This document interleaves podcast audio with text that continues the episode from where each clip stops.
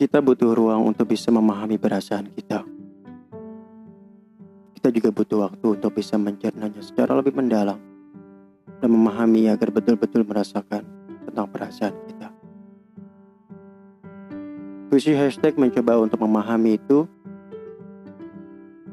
merefleksikan itu, dan mendalami tentang perasaan agar kita bisa lebih bijak memahami tentang kondisi diri kita, pasangan kita, dan orang-orang di sekitar kita.